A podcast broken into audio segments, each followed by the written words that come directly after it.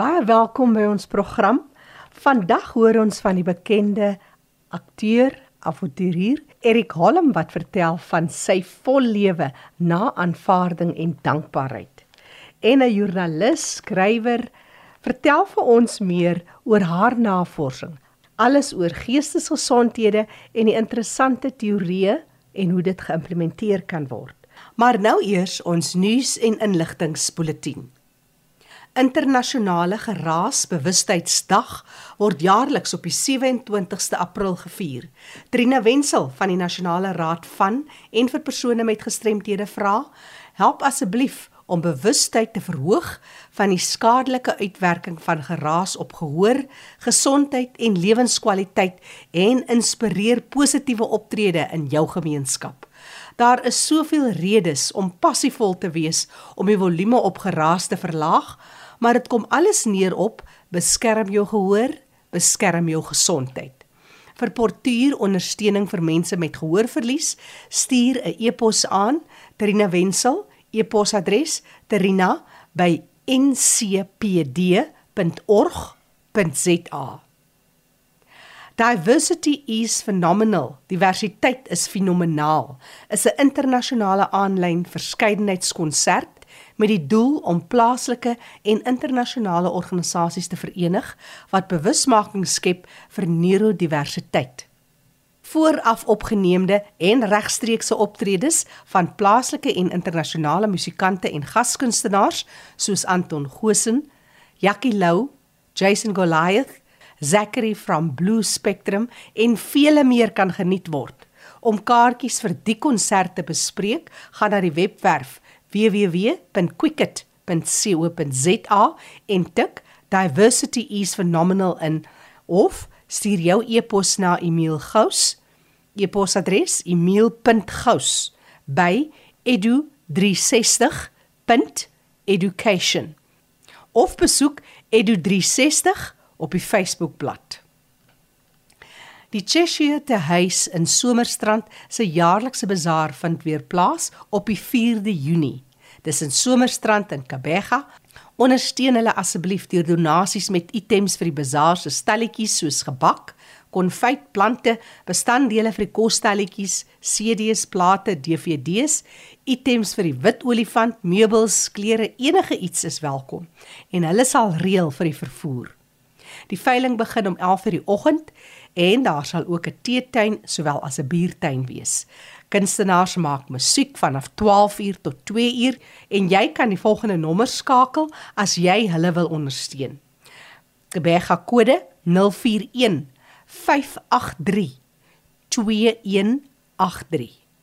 Ek herhaal 041 583 2183 of nog 'n nommer 083 5000 818. Onthou vir terugvoer of navraag kan jy gerus vir my 'n e-pos stuur as jy nie vinnig genoeg ook sonrede kon neerskryf nie. Stuur die e-pos na jackie@rsg.co.za. En nou sluit ons aan by Fanie de Tooi in die Kaap. Oor na jou Fanie. Baie dankie Jackie. Vandag het ek die voorreg om te gesels met iemand wat eintlik 'n bekendstelling nodig het nie en dit is Erik Holm akteur, kunstenaar. Erik, hoe stel jy jou voor as jy met mense gesels oor jouself? Welkom by ons. Baie baie dankie vir my. Uh, ja, jy sê dis jou eer, dit is dit is eerder my eer. Ehm um, ek um, ek stel myself gewoonlik net voor as Erik. Ek uh, probeer om nie te veel bywoorde in te sit want daar is so baie goeders wat ek doen dat ek dink ek kan myself nie meer as net een ding beskryf nie. Ek is 'n avonturier van die lewe, dit is verseker. My soos die Engelse sê day job is om 'n akteur te wees.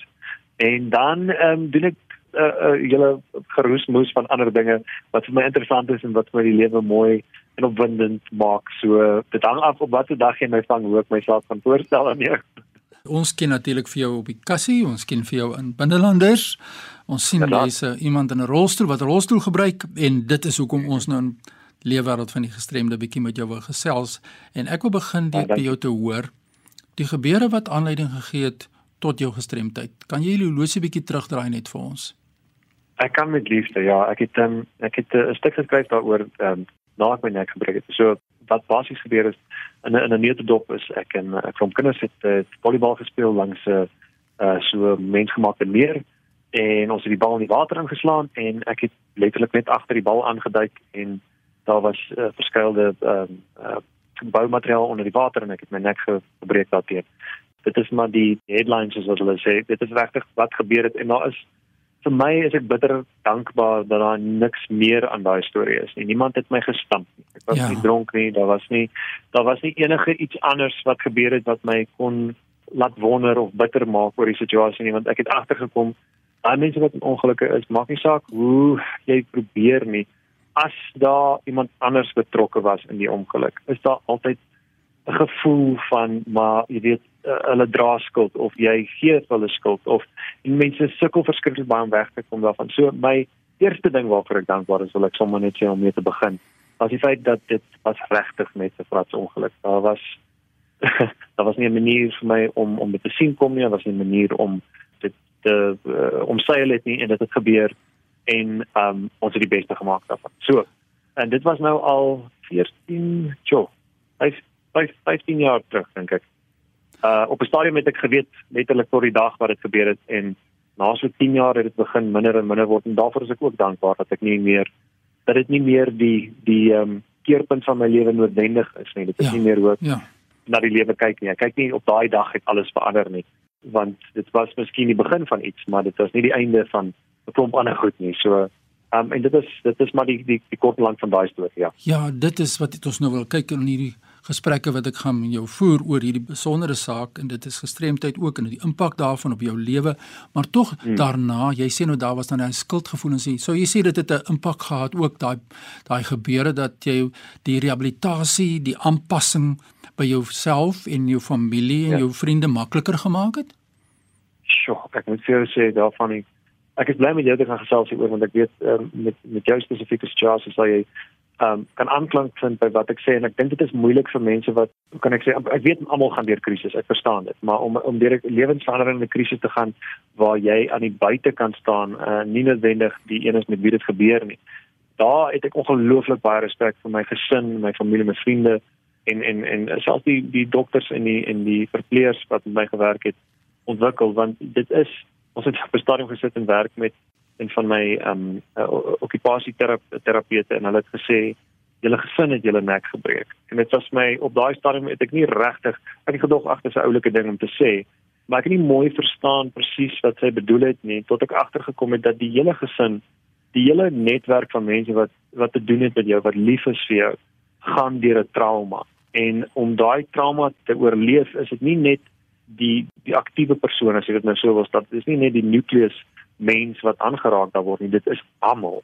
En as jy net die een persoon probeer gesond maak dan doen jy die hele gemeenskappe onreg aan deurdat jy jy jy sit eintlik te veel fokus op die wond as jy ja. dit wil stel en nie eintlik genoeg fokus op die herstel nie want die herstel is die jy wat weer terug in die wêreld moet kom. Jy moet weer in die wêreld inpas. Nie die wêreld gaan nie om jou aanpas nie ongelukkig nie en daarvoor het jy nodig om die die persoon wat deur die trauma gaan op te lei, maar ook die mense om hulle op te lei van wat hulle kan verwag, wat se tipe lewens het hulle vorentoe en daai ehm um, moet ek sê het ek regtig ek is baie baie gelukkig om in 'n ongelooflike hospitaal te wees. Ek was uh, ek weet nie of dit waarskynlik was 'n Milmed Medical Clinic geweest. Ja. En hulle het net 'n span gehad wat letterlik oor en oor my lewe gered het, nie net fisies nie, maar geestelik het hulle ons gedra deur hierdie ding want hulle sien dit natuurlik en en en hulle weet al wat kom jy weet uh, en so graag soos wat ons almal wil individue wees is daar sekere prosesse wat ons deurgaan um, wat amper jy, jy kan dit nie ontwyk nie. Daar is hierdie jy weet hierdie uh, wat hulle sê die stages of grief wat jy deurgaan en as jy oop is vir um, leer uit die mense uit uit die mense se ervaring uit um, wat mens nie noodwendig altyd is nie. Mens mens wil nie altyd jy weet hoor dit gaan beter gaan nie maar as jy as jy daar kan uitkom eendag, dan is die kennis wat hierdie mense het, is ongelooflik. So eintlik wat ek probeer sê, ek ek praat net verskriklik baie sonder om die punt saam te vat is dat jou medemens, die, die mense wat om jou is jou geliefdes. Ja. Maak vir my die verskil of jy weer gaan 'n lewe hê wat vir jou sin maak. Ja, en sin jy... is eintlik al wat jy nodig het. As jy sin het, kan jy aangaan. Ja, en dan um, kan jy die fisiese uitdagings aanpak. Jy kan die onafhanklikheid wat jy dan nou prysgegee het, kan jy nou aanspreek. Jy kan die toeganklikheid aspekte in jou onmiddellike omgewing as 'n span dan aanspreek. Het jy dit ook sê ervaar? Inderdaad, ja, dit is dit is presies net mooi so want as jy as jy voel jy het iets om voor te lewe weer eens, as ek sê ek noem dit nou maar sin, dan uh, het jy 'n rede om om om by die trappies op te kom. Jy het 'n rede om te probeer kyk hoe kan jy dinge doen wat voorheen vir jou wat wat vir jou dalk nie gemaklik is nie of nie maklik is nie waar daar nie vir jou toeganklikheid noodwendig is nie. So dit is nie net om te sê goed, ek gaan nou net in winkels ingaan waar daar ehm um, jy weet ramps is nie. Ek gaan nie jy doen goeders buite jou gemaksone en so is dit tog eintlik maar wat mens enige mens die lewe voor uh, jy weet opwindend in die moeite werd maak is is uitdagings, is nuwe goed. Jy kan nie net in jou gemaksone bly nie en die probleem is as 'n mens wat 'n gestremdheid opdoen, is jou gemaksone word baie klein en jy wil net daar bly, verstaan? So ja. dit is 'n dit is 'n bietjie van 'n paradoks, maar die mense om jou maak al die verskil. Ek wil nie te diep hier in delf in hoe ek dit beleef het in in in totaliteit nie, maar daar was 'n klomp mense saam met my in die hospitaal wat dit nie gemaak het nie. Ehm um, hulle het uit die hospitaal uit gegaan en hulle was gesond teoreties, maar hulle het nie die ondersteuning gehad nie. En dit het regtig die verskil gemaak en dit het ek eers weer eens na die tyd agtergekom hoe dankbaar ek moes wees vir die ondersteuning van my en nie net jou gesin nie, jou hele gemeenskap, jou werk, waar jy jouself weer probeer in die groter gemeenskap inwerk daar daar daai punt van kontak is ongelooflik ja. belangrik om om dit holisties te doen om dit totaal omvattend te doen ja. nie net jy nie maar alles om dit die die infrastruktuur ja ook die die mense alles ja. Ja die insluitende aspekte daaraan verbonde. Nou die slegte nuus is ons gesprek vir vandag is amper op die einde. Ons gaan volgende week gaan ek verder met jou gesels want ek wil uitkom by die draaiwerk wat jy doen die pragtige draaiwerk en jou gitaarspel en al hierdie tipe van dinge. So dit's nou die ja. slegte nuus vandag is dat ons nou moet afsluit maar ons gaan volgende week gaan ons verder gesels. Wat ek leer vandag uit is maar net weer die belangrikheid van familie Ek kan dit daarmee vereenselwig. In my lewe die klem so sterk geval op die tragiese slagoffer, jy weet, ek is nou in die army en ek het my gehoor verloor. En my gesin het die belangrikheid van hulle is nie altyd genoeg onderstreep nie. En is ook so wonderlik om te luister na jou. Ons ken jou vir jou Erik Holm as akteur, as 'n kunstenaar, maar is goed om vandag 'n bietjie die holosie kon terugdraai en dieper te kyk na wat het regtig gebeur in jouself en jou familie. In volgende week gaan ons verder gesels. So as mense met jou beskakel, hulle kan jou besoek op jou Facebook en sosiale media. Waar is die maklikste manier om jou aan die hande te kry as die ja. publiek met jou wil kontak maak? Met liefde. Mense wonder altyd of dit jy weet of of of, of dit regtig ek is wat met hulle praat op Facebook en dit is regtig ek. Um, my my Facebookblad is Erik Holm. Ehm um, jy kan my daar besoek. Ek is nie regtig op Instagram en daai tipe van goeders nie, maar jy kan my daar kry ehm um, en dag uh, jy weet jy kan my boot ek kan selfs as mense regtig wil uh, my selfoonnommer is daar ook want ek voel ek is so klein bietjie ehm um, uh, aan die aan die publiek ehm um, 'n deel van my behoort aan die publiek en en op hierdie stadium is dit vir my regtig lekker om met mense te praat en en om stories te deel. So hulle kan my daar kry, ja. Fantasties. Nou ja. Baie dankie vir vandag se gesprek. Ons gesels volgende week verder. Gaan soek julle vir Erik Holm daar op die sosiale media want Erik volgende week wil ek ook met jou gesels oor hy pragtige stuk wat jy geskryf het oor die hande, my hande wat jy geskryf het en geplaas het in die sosiale media. Dis aangrypend. Maar dankie vir vandag. Ons praat volgende week verder. Dankie Fanny. Goed gaan. Ja, as jy e-pos intussen aan my wil stuur, fani.dt by mweb.co.za. Groetens hier uit Kaapstad. Baie dankie aan kollega Fani de Tooi in die Kaap. Onthou die program is beskikbaar as 'n potgooi. Jy kan weer gaan luister. Gaan na rsg.co.za en kyk onder potgooi vir leefwêreld van die gestremde met vandag se datum. Ek gesels nou met Florence de Vries. Sy vertel ons meer oor haar navorsingswerk. Interessanthede spesifiek oor geestesgesondhede. Vertel ons eers wie is Florence de Vries? Ek is 'n joernalis, digter en skrywer en ek werk by die Universiteit Stellenbosch as kommunikasiespesialis in die fakulteit Geneeskunde en Gesondheidswetenskappe.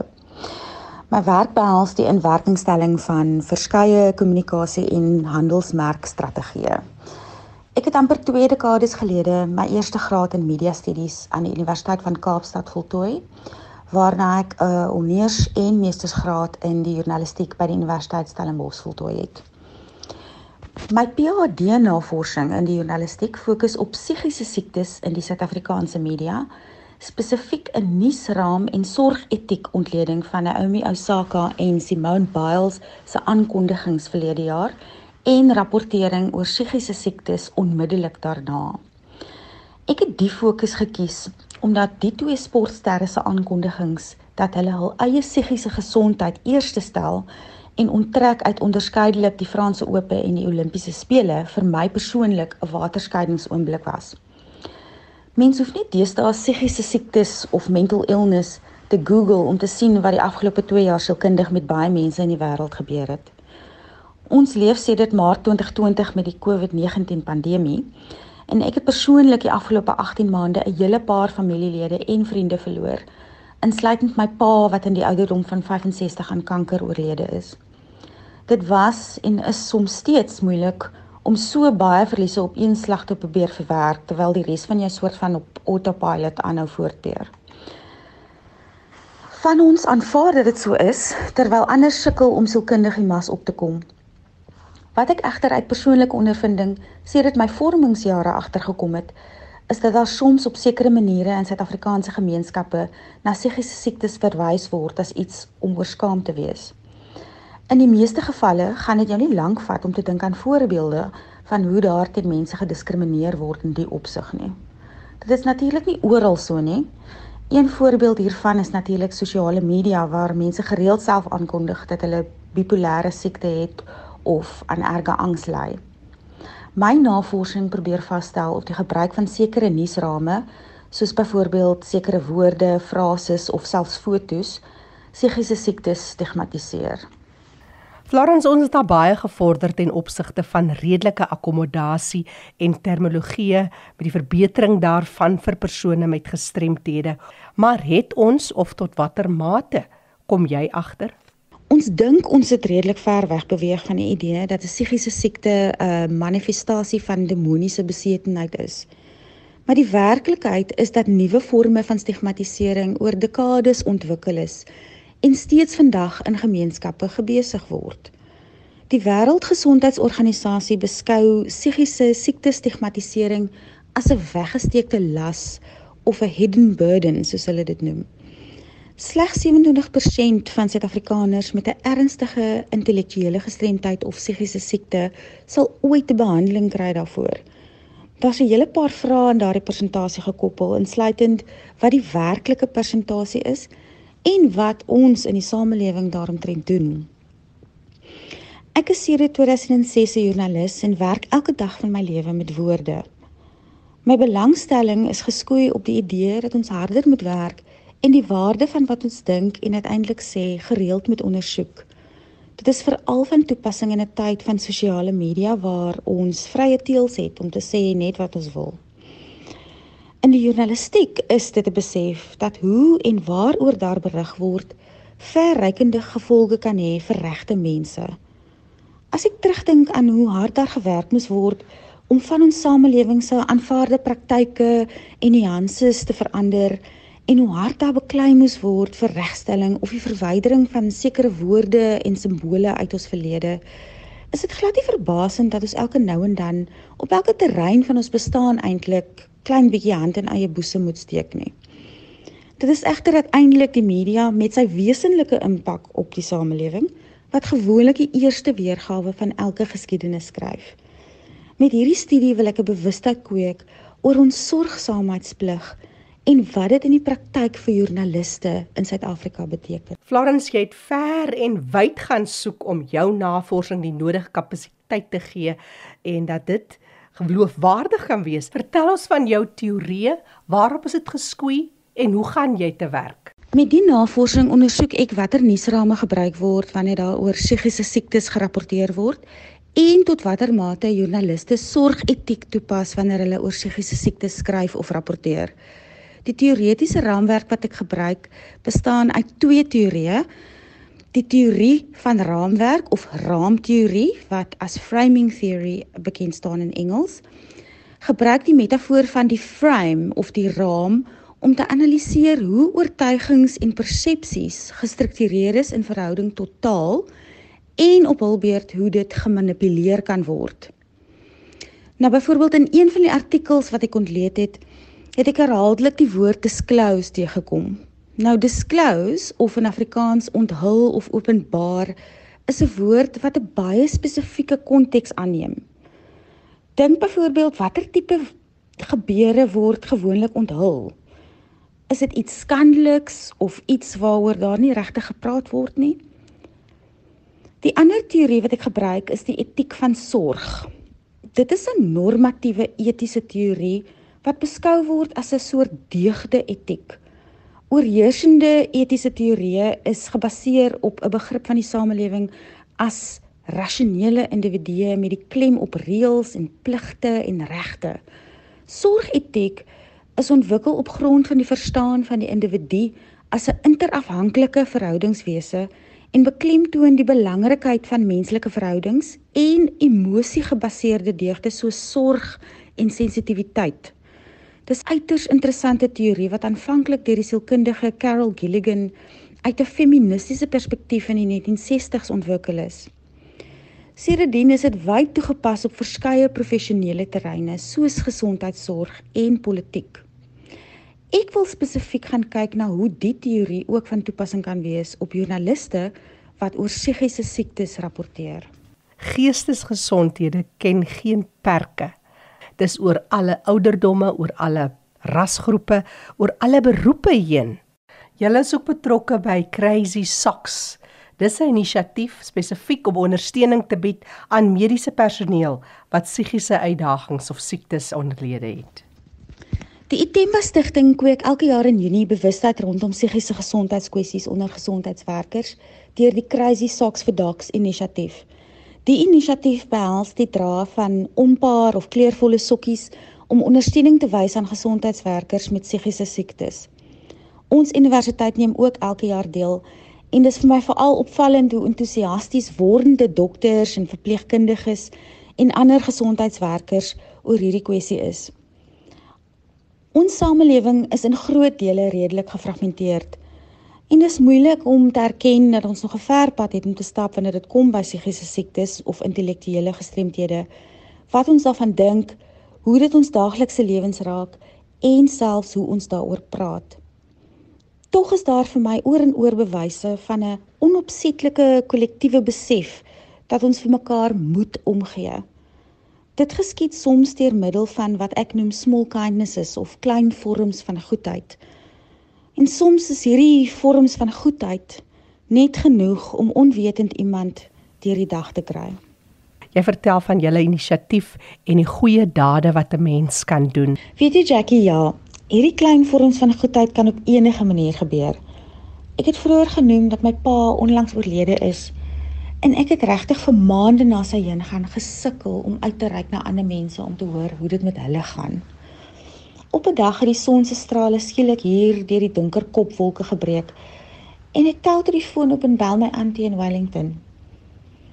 Sy het nie WhatsApp nie en sy verkies oproepe, ek nie.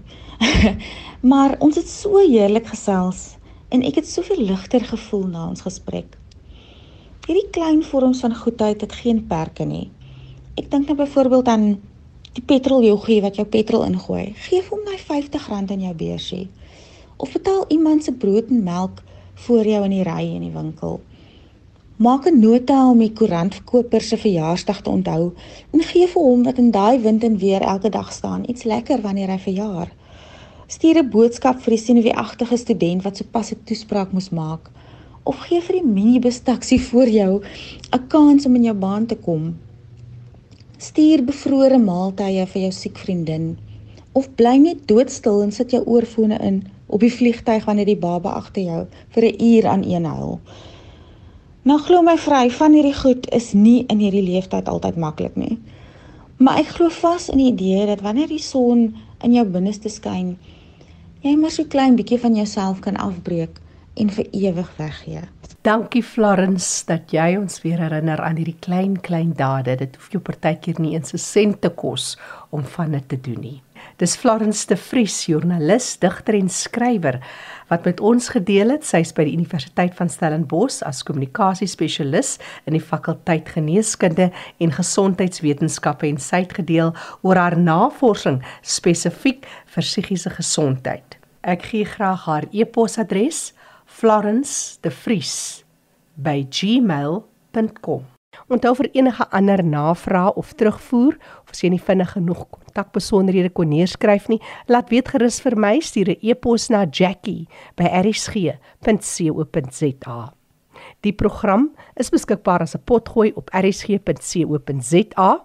Leefwêreld van die gestremde staan onder leiding van Fanie De Tooy en Jackie January.